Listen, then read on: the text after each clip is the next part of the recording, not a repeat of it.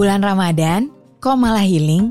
Bukannya harusnya kita ningkatin ibadah dan banyakin sedekah? Assalamualaikum, hai, aku Lavina. Alhamdulillah, seneng banget ya rasanya kita masih bisa ketemu bulan Ramadan lagi. Selama sebulan ke depan, podcast Sepertiga Malam bakal nemenin kamu. Semoga Ramadan tahun ini bisa lebih berkesan. Di episode ini, aku mau ngomongin Ramadan sebagai bulan untuk pemulihan. Kamu pasti udah sering dengar, Ramadan punya banyak julukan. Misalnya, bulan kebaikan, bulan keberkahan, dan bulan Al-Quran. Menurut aku, Ramadan juga cocok nih kalau kita jadiin bulan untuk pemulihan, atau bahasa jakselnya, bulan untuk healing. Jadi, healing yang dimaksud di sini bukan jalan-jalan ke pantai, menepi di kaki gunung, atau liburan keluar kota. Healing di sini lebih ke pemulihan diri. Wah, apa hubungannya ya? Nah, ada hal-hal spesial di bulan Ramadan yang bisa banget bantu nyembuhin luka dan bikin kita lebih bahagia. Pertama, baca Al-Quran. Ramadan adalah bulan diturunkannya Al-Quran. Karena itu, banyak banget anjuran untuk memperbanyak baca Al-Quran di bulan ini. Buat aku, momen ketika baca Al-Quran adalah momen yang pas untuk nenangin pikiran dan nyadarin diri kita lagi bahwa kita tuh nggak sendiri. Lewat firman-firmannya, Allah selalu ada untuk menghibur dan menguatkan kita. Bahkan, aku tuh sering ya, pas baca sebuah ayat, terus baca artinya, ih, kok ini pas banget sama yang lagi aku rasain. Jadi ngerasa diingetin dan dikuatin. Kalau kebetulan nemu ayat tentang perjuangan Nabi Muhammad dan sahabat-sahabatnya zaman dulu, aku juga suka langsung berefleksi. Kayak, wow, masalah yang aku hadapin sekarang ternyata belum seberapa dibanding mereka. Harusnya aku bisa ngelewatin ini dengan baik. Ya kalau capek dan ngeluh sih kayaknya masih wajar ya. Tapi yang pasti aku jadi lebih optimis sama hidup. Momen healing kedua adalah waktu sahur. Buat yang tinggal sama keluarga, momen ini adalah kesempatan buat ngerasain kehangatan dan kebersamaan.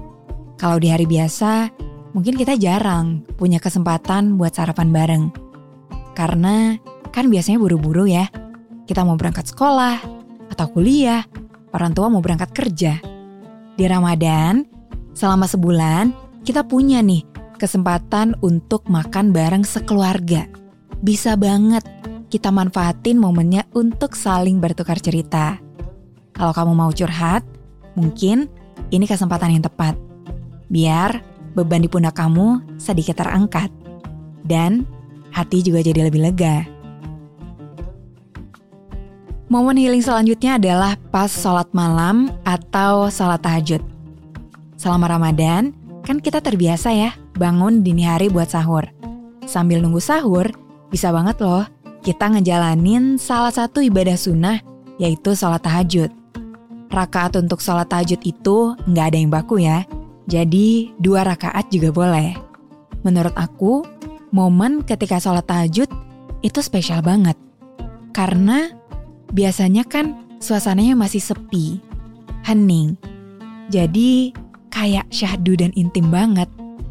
Bener-bener kita kayak lagi ngobrol berdua sama Allah. Habis sholat, baru deh aku biasanya berdoa dan curhat.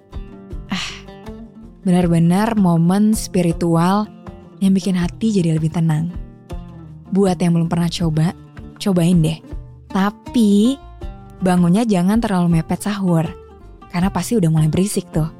Nanti suasana syahdunya jadi kurang dapat. Nah menurut aku, tiga momen di bulan Ramadan tadi bisa banget buat healing. Sebenarnya, ibadah puasa sendiri bisa buat healing juga. Udah banyak kan penelitian yang bilang puasa itu bisa menyehatkan tubuh kita. Misalnya, meningkatkan kekebalan tubuh, meningkatkan fungsi otak, dan ningkatin kualitas tidur. Puasa juga bisa loh menyehatkan hati dan pikiran kita.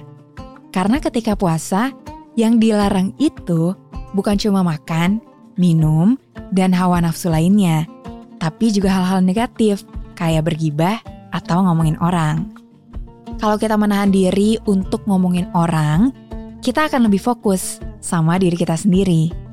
Daripada ngomentarin kekurangan orang, lebih baik fokus memperbaiki kekurangan diri kita sendiri. Setuju nggak? Tentunya pelan-pelan ya. Yang terpenting adalah terus berproses. Karena, kata Nabi Muhammad, amalan yang paling dicintai Allah adalah yang terus-menerus dilakukan, meskipun sedikit. Terima kasih sudah mendengarkan.